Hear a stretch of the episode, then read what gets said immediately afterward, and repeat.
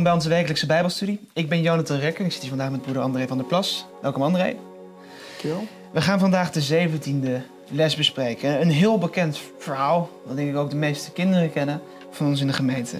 Namelijk over Daniel in de leeuwenkuil. Uh, en dat is een bekend verhaal, maar dit is al niet een heel belangrijk verhaal. Ook in dit, deze geschiedenis. Het laat namelijk zien wat er op de achtergrond gebeurt van, van macht. Uh, hoe Satan zijn spelletjes speelt en ook waartoe bepaalde dingen kunnen leiden. Maar dat ook al lijkt het de verkeerde kant op te gaan, God altijd de controle heeft. Nou, er zit dus genoeg in om uit te pakken in deze les, maar voordat we dat gaan doen, gaan we eerst in gebed. Machtig hebben de Vader in de hemel, het is in de naam van de lieve Zoon Jezus dat we voor uw troon komen om een zegen te vragen over deze les eh, die we met elkaar willen behandelen. Wil ons toch ook uh, genade geven en ook wijsheid om uh, deze les uh, te bezien in het juiste licht. Dat we deze les ook, uh, in deze les ook de juiste dingen eruit mogen lichten. Die we ook zo van belang zijn voor ons eigen persoonlijk leven. Dat we ook net zo trouw bevonden mogen worden als, als Daniel was in de leeuwenkuil. Zegen ons en, en behoed ons en vergeef onze zonde tekortkomingen. In de naam van de lieve Zoon Jezus vragen we dit alles. Amen. Amen. Goed, in de leeuwenkuil. Het is een mooie geheugentekst die er staat, met name de eerste twee uh, zinnen. De Heer is mijn licht en mijn hel, voor wie zou ik vrezen? De Heer is mijn levenskracht, voor wie zou ik angst hebben? Het is ook... In deze les zien we duidelijk iemand die, voor wie deze zinnen op het lijf waren geschreven. Um, de historische achtergrond van dit verhaal is enigszins dat... Uh, ja, er was een nieuwe machthebber. Um, Kores, eigenlijk. Die had, het, die had Babylon ingenomen in de, in de nacht van Belshazzar, met Belshazzar. Niet zelf, maar zijn generaal. Maar... Ja, zijn generaal inderdaad. Um, dat hebben we de, de, vorige les natuurlijk gezien. Um, en in deze les zien we eigenlijk wat daarna gebeurde. het is goed om eerst in te gaan. Nou, ik heb het net gezegd, ja, Kores die heeft het ingenomen. Maar in deze les gaat het over een koning Darius. En het is misschien goed dat we een beetje meer achtergrond daarvan geven hoe dat nou zit. Is Chorus een andere naam voor Darius of zijn het twee verschillende personen? Precies. Um, wat waren jouw gedachten daarover, André? Nou ja, in de Nederlandse vertaling staat in ieder geval dat hij het ontving.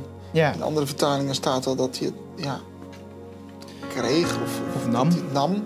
Ja. Uh, er is wel een groot verschil of je iets passief krijgt of dat je er echt voor gevochten hebt. Uh, zelf heb ik er wat uh, naslagwerk mm -hmm. uh, bij gehad. En ja, in de wereld zeggen ze van ja, maar er bestaat helemaal geen Darius in, in die zin zoals die wordt beschreven in, uh, in de Bijbel. Maar ja, dat was in destijds ook al het geval met Belshazzar en met uh, Nebukadnezar. Ja. dat er niet over iemand niet gesproken wordt, wil niet zeggen dat hij niet bestaan heeft. En um, in dit geval was Kores als pers had de overhand over de, de mede. Het was een koninkrijk dat bestond uit een, een, een, tweedeling, de mede en de persen. Maar het waren twee verschillende ja. volken met twee verschillende culturen. En uh, zelf in mijn optiek is het zo dat Darius uh, simultaan moet hebben geregeerd en geleefd uh, met, met Kores. Ja, ik denk, ik, ik denk inderdaad ook. wat goed is om te weten dat Um, de geestelijke profetie beschrijft dat Darius de oom was van Chorus. Um, dat weten we dus. We weten dat Dar Darius de zoon was van een Ahasuerus. Uh, dat staat in Daniel hoofdstuk 9 vers 1. Hij was koning gemaakt over het rijk van de Galdeën. Dus niet van de Perzen. Dat wordt specifiek gezegd in Daniel 9 vers 1 ook. Um, hij, hij, werd dus gemaakt als koning. En daarna zegt Daniel inderdaad zoals hij zei, ontving hij het koningschap. Um, als, hij was ook oud, hij was 62 jaar oud. Dat wordt ook specifiek gezegd. Alleen zijn eerste regeringsjaar wordt benoemd. Um, en hij heeft een aantal, wordt de Bijbel vertelt ook over dat hij een aantal uh, ja, satrap, satraps heeft aangesteld. Stadhouders, wordt het vertaald in de Statenvertaling. En Daarnaast zegt Daniel 6 uh, aan het einde dat hij uh, dan wel samen of kort daarna Cyrus met hem begeerde. Daniel, eh, in Daniel 6, 29. vers 29 staat duidelijk... ehm, Daniel, het ging Daniel voorspoedig onder het koningschap van Darius... en onder het koningschap van Kores de Pers. Het kan worden geïnterpreteerd als ehm, dat Kores Darius opvolgde. Mhm. Maar het kan natuurlijk ook betekenen, als je het vanuit een ander perspectief kijkt, dat, dat ze tegelijkertijd regeerden. En een mogelijkheid is dat Kores, ehm, die had de per- mede overwonnen. Tot, tot waren de Perzen de onderliggende partij. En Kores had ervoor gezorgd dat de Perzen de bovenliggende partij werden. Maar ja, je, je kan wel iets overwonnen hebben, maar je moet wel aan de macht blijven. Dus moet je ook je, de mede te vriend houden. En als Darius zijn oom was, en zijn oom was, dat weten we wel, dat beschrijft namelijk Xenophon, dat de oom van, da eh, van Chorus, Cyaxares, rond de tweede was, ehm, een, medier was, en ook via aan hem dus eh, een familielid was. Dat als, als zijn oom zou aanstellen, dan had hij dus iemand van zijn familie die hij kon vertrouwen. En daarnaast zou hij de mede paaien. En dat zou natuurlijk zijn machtspositie versterken. En dat is denk ik een hele Ehm, het blijft natuurlijk een theorie, want we weten het niet 100% zeker. Meest aannemelijk dan. Maar het is, voor, het is in ieder geval heel aannemelijk dat het zo in elkaar zat. En dat Darius dus een echt bestaand figuur was. In de geschiedenis ook onder, bekend onder een andere naam. Ehm, en dus niet de uiteindelijke koning was, maar meer een honorair of titulair koning was over Babel. En alleen over het deel van het Galdeelse Rijk, dus over, over het oude Babylon, eh, mocht, mocht heersen. Ehm, dat verklaart ook waarom die maar zo kort wordt beschreven.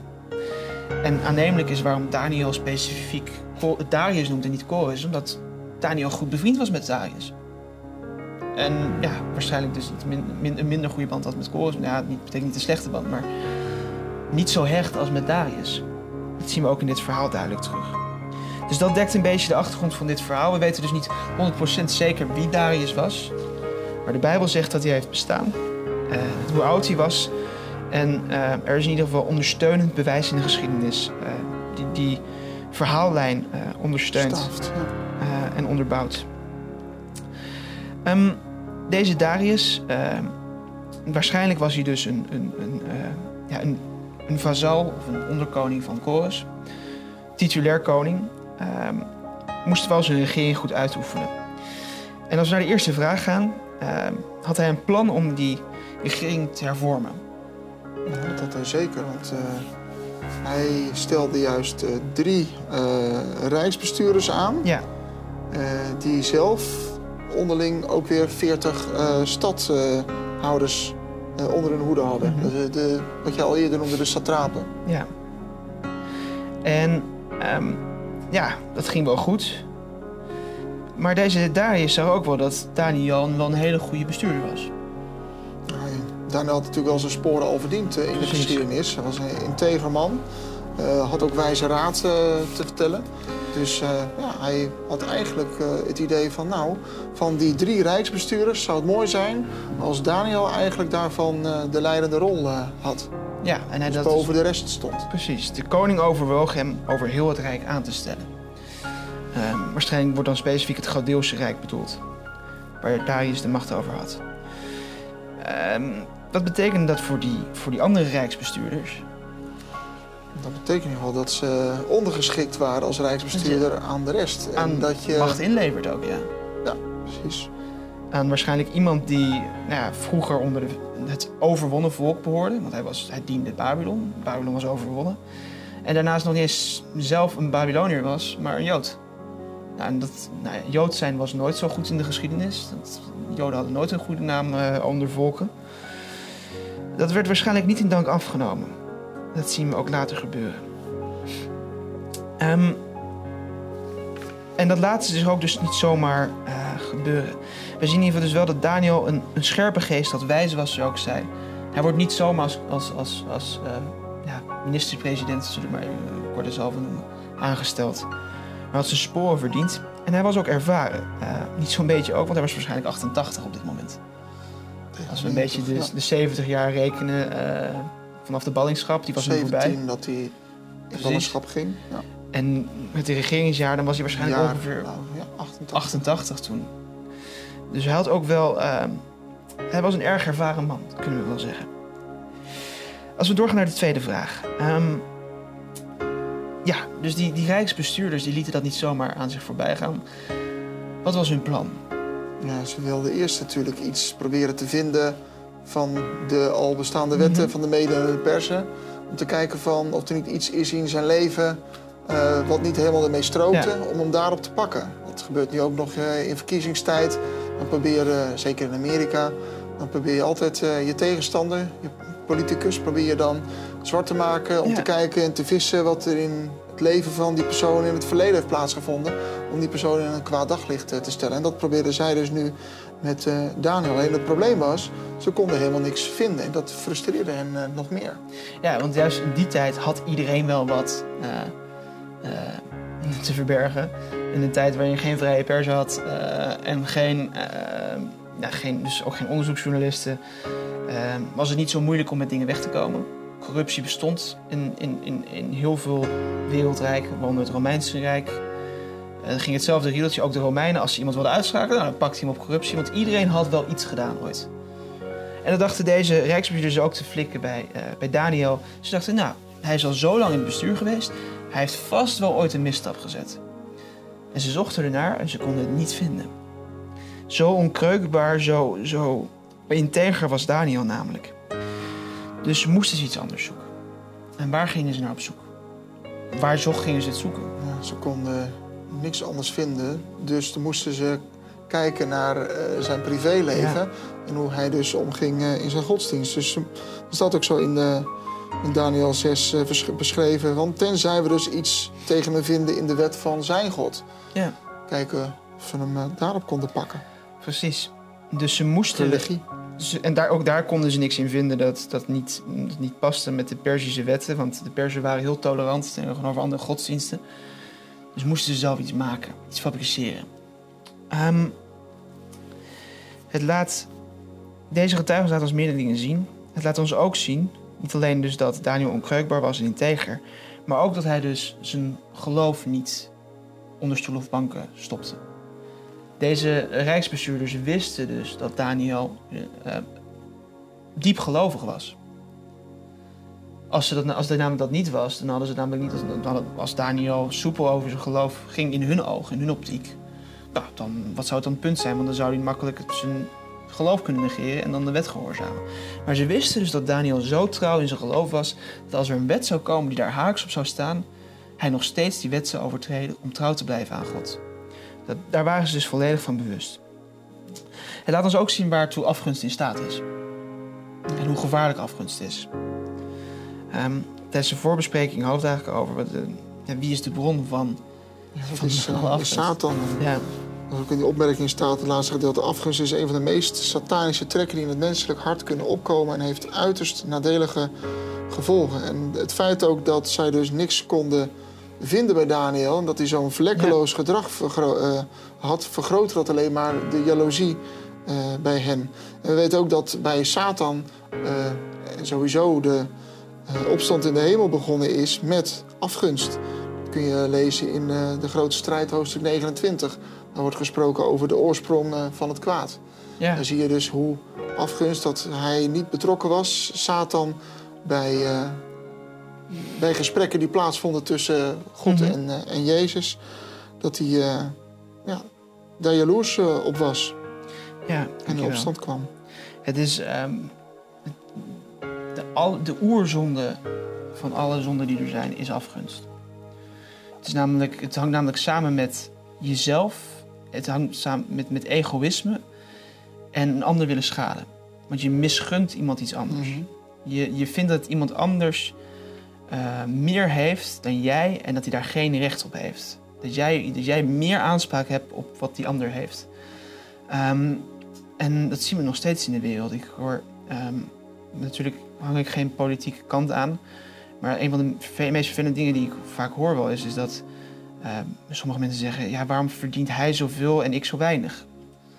Ehm, nog steeds zie je dat mensen nog steeds soms. En aan de andere kant zijn ook mensen die er geen moeite mee hebben om ongelooflijk veel te verdienen. En anderen het misgunnen. Dus aan beide kanten van het politieke spectrum zie je bepaalde afgunst naar elkaar toe. De een vindt dat hij te weinig heeft, terwijl de ander te veel verdient. De ander vindt dat die ander niet te veel moet verdienen, zodat hij meer voor zichzelf houdt. Ehm, nou, het is een vervelende zonde die ehm, hardnekkig is en samenhangt met het meest diepe kwaad wat in ons zit. En dat zien we ook in dit verhaal. Die mannen die gaan naar de koning toe. Hè, als we naar de tweede vraag doorgaan. En ze slijmen. Ja, Darius leven in eeuwigheid. En ze zeggen al de rijksbestuurders van uw koninkrijk. Dat is dus een leugen. Want Daniel. Daarmee dacht was hij. er één van. Ja. Daniel was daar één van. Daarmee werd dus gesuggereerd dat Daniel het dus ook goed vond. Wat waarschijnlijk niet onbelangrijk was voor Darius. Al de rijksbestuurders van het koninkrijk. Iedereen. Iedereen is het erover eens. We kennen een Amer- voormalige Amerikaanse president die ook zegt... iedereen vindt het zo. Dat er een dag moet, een maand moet komen waar iedereen alleen maar u mag gaan bidden. Nou, ehm, de meeste koningen in die tijd... die eh, hadden niet bepaald een slecht zelfbeeld... En daar is hij wel blijkbaar het idee dat hij, dat hij daar wel een beetje recht op had. En Zo was gevleid. Hij was gevleid. En dat is natuurlijk de Achilleshiel voor heel veel mensen en vooral koningen in die tijd. En de straf zou worden, zou worden dat iedereen die er niet aan gehoorzaamde in de leeuwenkuil zou worden geworpen. Het was een, een wet die echt speciaal was ontworpen om Daniel in de val te lokken. En hoe, wat, wat deed Darius daarop als we naar de derde vraag gaan? Nou, hij ondertekende dat het voorstel, want eh, ja, op zich eh, leek hem dat wel een, eh, een goed plan. Ja. Dus hij zette er zijn handtekening onder en dat werd een bevelschrift. Dat volgens die tijd, na gebruik, de wet van mede en persen, het is nog steeds een gezegde, Ja. dus niet gewijzigd kon worden. Het mocht niet worden herroepen. die niet mag worden herroepen en niet gewijzigd inderdaad kon worden. Dat zien we ook in het verhaal van Esther natuurlijk. Ehm, Daniel was daarmee volledig naar buiten gehouden. Ehm, wat was het eerste wat Daniel deed toen hij dit bevel hoorde? Toen hij dat te weten kwam, het bevelschrift, eh, dan ging hij eh, terug naar zijn kamer, thuis, van zijn bovenvertrek. Hij opende zelfs de vensters, dus mensen konden ook zien wat hij deed.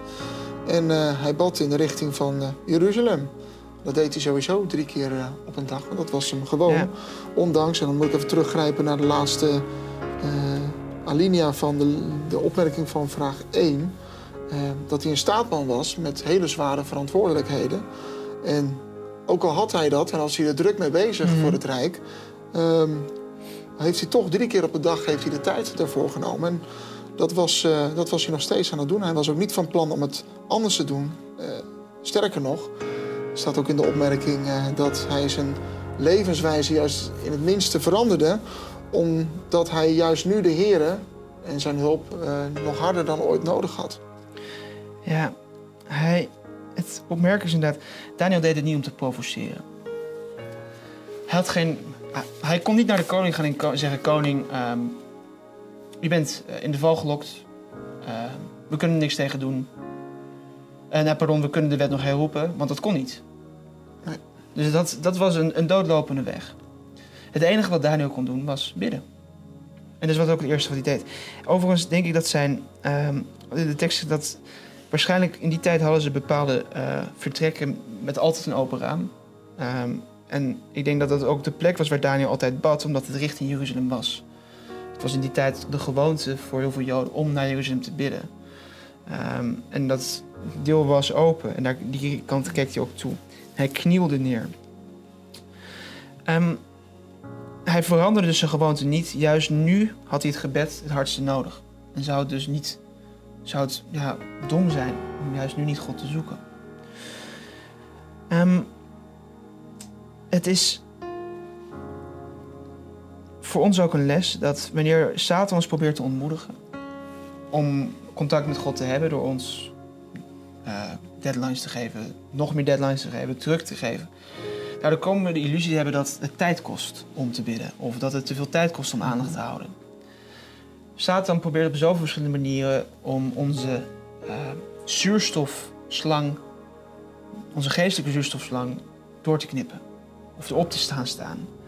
Maar als we kijken naar het voorbeeld van Daniel, zelfs een verbod hield hem niet tegen om God op te zoeken. Dus het maakt niet uit hoe druk we het hebben.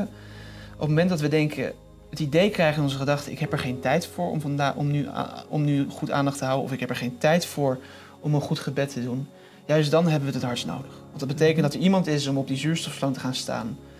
En als we geen zuurstof krijgen, dan stikken we. En dan kan ons geestelijk leven kan daardoor in gevaar komen. Het is ook een voorbeeld hier wat we zien van Daniel dat we moeten volgen. Nou, die mannen die wisten wat Daniel zou gaan doen bijna. Dus wat gingen ze doen toen het decreet van kracht was? Ze gingen eensgezind, staat er, Ja. eh, gingen ze bij het huis van eh, Daniel gingen ze posten om te kijken wat hij eh, deed. En toen hebben ze hem dus eh, zien hoe hij dus de, zijn God aanbad. eh, wat ook sowieso ge- gewoon was. En toen ze dat zagen, toen gingen ze ook weer eensgezind gingen ze naar eh, de koning om eh, een eh, hele, ja, voor mij een bekende vraag eh, te stellen. De, de manier waarop is ook iedere keer de manier waarop Satan probeert om je een loer te draaien. En dat zie je dus hier ook terugkomen. Het was in de tijd van eh, Adam en Eva ook van... is het niet zo dat God heeft verboden aan u om van alle vruchten te eten? Zo'n vraag. En dat, dat komt nu hier en hier naar voren. Van, ehm, heeft u niet een of andere wet uitgevaardigd... die zegt dat we deze komende maand alleen u mogen aanbidden? En eh, dat is dus de vraag die ze stelde aan de koning. Ja, precies. Je ziet in de toon, in de, in de woord. Het, het is Satan die er doorheen spreekt. Het is het typische. En ook niet, wij hebben een wet voorgesteld. Nee, heeft u niet een wet aangenomen? Ehm, dat is ook de satanische manier. Satan neemt nooit verantwoordelijkheid voor zijn daden. Schrijft het altijd op mensen hun, hun schoenen. Om ook mensen naar de, naar de ondergang, de vernietiging te brengen. Dus heeft u dit niet gedaan? Nou ja, dan moet je dat natuurlijk ook vol doorzetten. Hè? Hmm. Ehm, waarschijnlijk was dit in de ochtend. Waarom denk ik dat? Omdat eh, in die tijd, en dat weten we ook van de tijd van Jezus, het was gebruikelijk voor de ballingen om drie keer per dag te bidden. En dat hing waarschijnlijk samen met het ochtendgebed, het tussen de middaggebed, zeg maar, en het, avondgebed. Ja. Ehm, en waarschijnlijk kwamen ze meteen in de ochtend toen de wet van kracht ging. Dit is wel enigszins speculatie, maar dat denk ik wel. Ehm, het was in ieder geval niet de avond, want er staat specifiek dat Darius tot zonsondergang bezig is geweest. Nou, dat zegt de Bijbel niet omdat hij een uurtje heeft gepraat. Nee, dat zegt omdat hij waarschijnlijk de hele dag zich heeft ingespand. Dus waarschijnlijk het eerste wat ze deden, de dag dat de wet van kracht werd, gingen ze de ochtend naar Daniel toe. Ze wisten dat Daniel op een vast moment zou gaan bidden. En ze gingen wachten en ze hoorden het. Ehm, de Da- Darius probeerde de hele dag, dus vanaf de ochtend tot zonsondergang, eh, om zichzelf uit de penarie te redden eigenlijk. Hij, op het moment dat hij het zag, er staat ook in de Bijbel, toen de koning dit woord hoorde, nam hij het zichzelf zeer kwalijk. En dan zette hij zich het op zijn hart erop om Daniel te verlossen. Ehm, ja, en had het allemaal zin? Nee. ehm, hij had ook zelf nog gezegd tegen die rijksbestuurders eh, en satrapen van... ja, maar die heb ik inderdaad ondertekend en die kan ook niet herroepen worden. Dus hij onderschreef dat zelf al, eh, al meteen. Ja. Dus van ja, waar je ook mee gaat komen, eh, die wet is onherroepelijk. Dus als, als er iemand die overtreden heeft, dan, dan staat er dus een straf op. Het laat ook zien, ehm, tijdens, je deelde een mooie metafoor die in die tijd bestond voor de penarie waar Daniel zich eigenlijk in bevond. Ja, dat is dus, wellicht is dat ook wel ontstaan door dit verhaal, dat ehm, de, de leeuwenkuil eh, is een symbool van het hof, waar Mhm. dus eh, allerlei verschillende politici eh, aan zijn. Ehm, en dat iedereen ook zijn eigen hachje probeert eh, te redden. Iedereen is er voor zichzelf met arm- en duw- en Ja. trekwerk. En eh, het zijn dus de vijanden die eh, je een, een, een loer kan, kan draaien. En dat je dus zelf als, als integer persoon daar je weg in moet vinden. Ja, en dat het dus daar waarschijnlijk niet zomaar ongeschonden uitkomt. Dus daar tegenwoordig een wespennest. Dus in het, in het bijzonder is dus ook in die tijd de leeuwenkuil dus ook een metafoor was voor dit hof van mensen die het elleboogwerk, het elkaar opzij duwen, elkaar uit zijn op elkaars bloed om maar over lijken te gaan om meer macht te krijgen. En Zuster Wout zegt daarom ook in de opmerking van de vierde vraag: de positie van Daniel was niet te benijden. Hij stond aan het hoofd van een oneerlijk, dubbelzinnig, goddeloos kabinet waarvan de leden hem met scherpe, jaloerse ogen gadesloegen, om een zwakke plek in zijn gedrag te kunnen vinden. Als u denkt dat u een vervelende baan heeft met vervelende collega's, het kan altijd erger. Als we doorgaan naar de vijfde vraag. De rijksbestuurders, de collega's van Daniel, die, die pretendeerden dus dat, uh, wat, op zich klopt, uh, wettelijk gezien, juridisch gezien, dat de wet van Darius niet veranderd kon worden. Maar ja, wiens wet is nou daadwerkelijk onveranderlijk? Dat is de wet van, uh, van God. Ja. En dat komt ook omdat zijn wetten een uh, afspiegeling zijn van zijn karakter. Ja. En als we weten dat God onveranderlijk is, dan is ook zijn wil onveranderlijk. En dus ook zijn wetten Precies. zijn onveranderlijk. Precies. Dus de morele wet van God, uh, die we vinden in de tien geboden, is, zoals je terecht zegt, een, een afspiegeling van Gods karakter. En net als God zelf onveranderlijk. Toen God zichzelf openbaarde bij de berg Sinai, sprak hij deze woorden uit. Waarom? Omdat ze de gerecht, het gerechtigheidsdeel van Gods karakter Niet het barmhartigheidsdeel, dat zien we terug in het evangelie, maar het deel van het gerechte, de gerechtigheid van Gods karakter zien we weerspiegeld in de morele wet. En net als God zelf is Gods karakter onveranderlijk. Um, Darius, die in uw lesboekje staat waarschijnlijk welk bevel gaf Daniel. Dat moet zijn Darius. Welk bevel gaf Darius toch uiteindelijk? Ja, uiteindelijk moest hij uh, het bevel geven om Daniel in de leeuwenkuil te werpen. Want ja. in zijn ogen was de wet van Mede en Persen onveranderlijk. Terwijl hij daarboven zou moeten staan. Maar waarschijnlijk zou hij dan worden teruggefloten als hij zo'n wet wat vaststaat en onherroepelijk was, daaraan gaat tornen, dan uh, zou dat uiteindelijk uh, gevolgen hebben voor zijn eigen heerschappij. En Ja. Je gaf in de voorbespreking ook al aan dat er uh, een mooi vergelijk is hier met, met Pilatus. Die ook op een gegeven moment zijn handen ervan terugtrok van ja, ik Ja. kan er niks aan doen. Ook omdat hij bang was voor zijn eigen hachje. Precies, ik denk ook inderdaad. Hoewel Darius natuurlijk, we moeten kijken naar het licht dat mensen worden gegeven. Um, Pilatus was natuurlijk wel een zwaarder geval, omdat hij um, er geen echte wet was waar, op basis waarvan hij Jezus moest veroordelen. Um, en hij wist ook dat Jezus geen enkele wet had geschonden. Maar ook Darius had de verantwoordelijkheid kunnen nemen en kunnen zeggen: nee, ik weiger dit te doen, want hij is onschuldig. Jullie hebben mij in de val gelokt. Je zou tegenwoordig juridisch zou kunnen zeggen: toen ik deze wet heb getekend, heb ik gedwaald. Want jullie zeiden dat iedereen, alle rijksbestuurders over eens waren, maar daar Daniel was er duidelijk niet mee eens. Dus ik heb deze wet gemaakt met de verkeerde voorstelling van zaken. Dus dat zou misschien nog een goed argument zijn geweest. Maar goed, in ieder geval, de koning zag dus geno zich genoodzaakt om Daniel in de leeuwkuil te gooien. Maar hij zegt er dan nog wel iets bij. Hij heeft blijkbaar, hij maakt het misschien zichzelf een beetje makkelijk mee af, door zijn verantwoordelijkheid te ontlopen, maar hij zegt nog wel, de God die u altijd vereert, hij zal u verlossen. Maar daarmee erkende hij ook dat hij niet uh, alle macht Ja. en gezag had. Ja, dat is ook waar. Dus blijkbaar voelde hij zichzelf niet, uh, niet machtig genoeg, ja. niet capabel genoeg om Daniel te kunnen helpen. Maar hij had er vertrouwen in dat, dat God het welkom.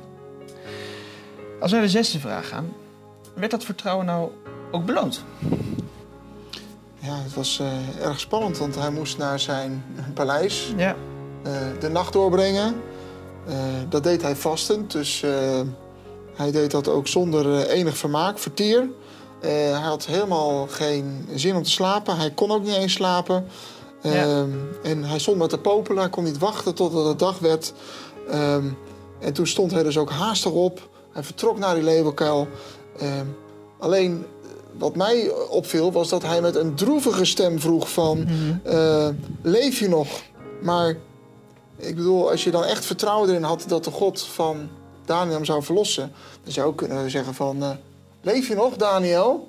Maar hier staat er echt dat hij dat met een droeve stem deed. Dus hij was in de veronderstelling dat ook zijn eigen God hem niet zou... Ja, hij twijfelde in geval nog. Ja. Het was ook niet zo dat hij ervan uitging dat Daniel dood was. Hij was uh, zijn geloof moest nog verder groeien. Hij hoopte in ieder geval dat hij nog leefde. Hij hoopte het ook, inderdaad. Dus het geloof was er wel, maar er was ook nog heel veel twijfel. Ja. En met droefheid in zijn stem inderdaad zei hij... Daniel heeft God je kunnen redden. Sterker nog, hij zegt... Daniel, dienaar van de levende God... heeft uw God u kunnen verlossen. En dan? Ja, hij krijgt gelukkig antwoord. Dus uh, dat was natuurlijk een hele opluchting voor da ja. Darius. En eh, Daniel antwoordde ook van eh, ja, en dat is ook zo, omdat ik voor de Heere God onschuldig ben bevonden. Maar niet alleen voor mijn eigen heren, maar ook voor u, o koning, heb ik helemaal niets misdaan. Dus Ja. hij benadrukte daarmee ook nog zijn eigen onschuld. Dat hij helemaal niks verkeerds had gedaan eh, ten aanzien van de koning. Ehm, en daarmee is de les eigenlijk voor ons. Soms staat God toe dat Satan heel ver komt. Dat het echt heel ver gaat. Ehm, dat zien we ook in het geval van Jezus. God stond zelfs toe dat Jezus werd gedood. Tot afgrijzen van de engelen die stonden te popelen om in te grijpen. Maar uiteindelijk is God altijd in controle. En het komt als een boemerang terug in het gezicht van Satan. Satan wordt in de gelegenheid gesteld om zijn, zijn vreedheid, zijn kwaadheid te laten zien. Zodat mensen ook begrijpen waarom God tegen Satan optreedt. En het gebeurde ook hier. God heeft toegestaan dat Daniel in de leeuwenkuil werd geworpen. Net zoals dat God toestond dat de drie jongelingen in het vuur werden geworpen. Maar God heeft ze niet alleen gelaten. God heeft Daniel gered. Met Daniels vijanden ging het type het minder goed af. Ja, die eh, heeft hij uiteindelijk eh, met dezelfde eh, straf heeft hij, eh, Ja, heeft hij op ze laten werpen. En niet alleen voor die reisbestuurders en die satrapen, maar ook voor hun gezinnen. ja, Die werden dus ook met hen de leeuwenkuil ingeworpen. En je kan niet zeggen van ja, maar dat was helemaal geen wonder met Daniel, want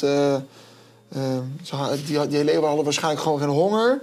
Nee, want hier zien we dus dat de mensen die erin gegooid werden, dat die ineens de mogelijkheid kregen om met hun, eh, hun voeten de grond te raken, want ze waren op dat moment al verslonden. Dus ze werden gewoon, eh, meteen werden ze eh, gedood door de leeuwen. Of in ieder geval, Ja. ja, verteerd. Het is natuurlijk een enorme zin. Het is, dus te meer laat de Bijbel inderdaad zien. Ehm, dit was echt een wonder, inderdaad. Ehm, het was inderdaad niet zo dat dit, nou, dit, dat dit poesjes waren die toevallig geen honger hadden. Of dat ze mensen gewend waren. Nee, ze, ze waren echt killers. Alleen God stond niet toe dat ze Daniel doden. God, is natuurlijk, eh, hun schepper verhinderde het. dat zei Daniel natuurlijk ook. God heeft mij engelen gezonden om de muilen van de leeuwen Ja. eh, dicht eh, te houden. Ehm, de koning, vanzelfsprekend was hij van onder de indruk. Daarmee- dat brengt ons bij de laatste vraag. Ehm, hield de koning nou voor zichzelf wat er was gebeurd? Wat, wat deed hij met dit heugelijke nieuws eigenlijk, met dit wonder? Nou, Hij schreef eh, een bevel ook uit aan eh, alle onderdanen van hem. En dan wens hij ze eerst vrede toe. Mhm. Maar vervolgens gaf hij ook het eh, bevel dat iedereen moest sidderen en beven voor het aangezicht van de God van, van Daniel. Voor de levende God. En gaf hij ook een mooi getuigenis dat het zijn koninkrijk is dat niet te gronden gaat. En dat het heerschappij van de God van Daniel eh, zal duren tot, eh, tot in eeuwigheid. En dat is natuurlijk een enorme verwijzing weer naar dat visioen in Daniel hoofdstuk 2, waarbij die steen, eh, die steen die zonder mensenhand loskomt, een eeuwigdurend koninkrijk introduceert. Wij speculeren er zelf ook een beetje over. Misschien heeft Daniel wat dit ook verteld aan zijn vriend Darius. Ehm, over de God wiens koninkrijk tot, tot in eeuwigheid stand zal houden. Die verlost en redt, die doet tekenen en wonderen doet in de hemel en op de aarde. En daarmee zoveel anders is dan die afgehouden van de Perzen en de Meden. Ehm, het is. Als we deze les zien, zien we dus dat. Zien we een, aant- een aantal dingen. We hebben een hoop, een hoop gezien en verteld over Darius en over Daniel. Maar ik denk als je dit zou moeten samenvatten in één conclusie, is het dat. Ehm, soms in ons leven lijkt het alsof dingen de verkeerde kant op gaan. Soms vragen we ons af waarom ben ik hier geplaatst bij collega's die me eh, het werk moeilijk maken. Of die me, me, me pesten met mijn geloof. Of die uit zijn op mijn, mijn positie. Ehm, waarom, heb ik, waarom gaat het mij zo moeilijk af? Of kan het nog erger gaan? Dat we, ons, ons leven in gevaar is. En dan zouden we ons kunnen afvragen, waarom staat God dit toe? Waarom staat God toe dat Satan bepaalde dingen kan doen?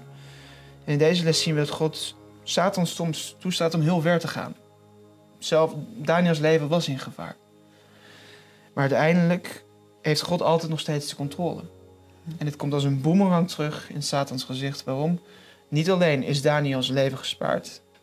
Nu weet het hele volk van, onder de macht van Darius. Over wat God heeft gedaan, over de heerlijkheid van God.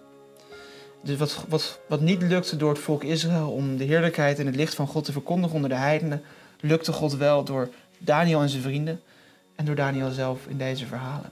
Dus dan zie je ook weer dat, uh, wat ook in Filippenzen 2 staat, dat uiteindelijk ook alle knie zich zal, uh, zal buigen. Ja. Iedereen zal moeten erkennen dat uh, Jezus Heer is. Denk je wel. Daarmee zijn we eigenlijk aan het einde gekomen van deze les. En ik denk, als we iets mee kunnen nemen van deze les, als u denkt dat u het moeilijk heeft op uw werk of op iets anders, het zal waarschijnlijk niet veel moeilijker worden dan Daniel, die het zo moeilijk had dat zijn collega's zelfs een moordplan hadden bedacht. Maar net zoals Daniel staat ook God aan uw zijde. En in welke moeilijkheden u ook heeft, God kan u altijd helpen als u, als u uw problemen maar bij hem brengt. Ehm, daarom is mijn wens en ook voor u dat u de kracht van het gebed, zoals Daniel dat vond, ook in uw dagelijks leven mag, mag vinden. En ik wens u Gods rijke zegen toe. En ik hoop u graag weer de volgende keer te zien.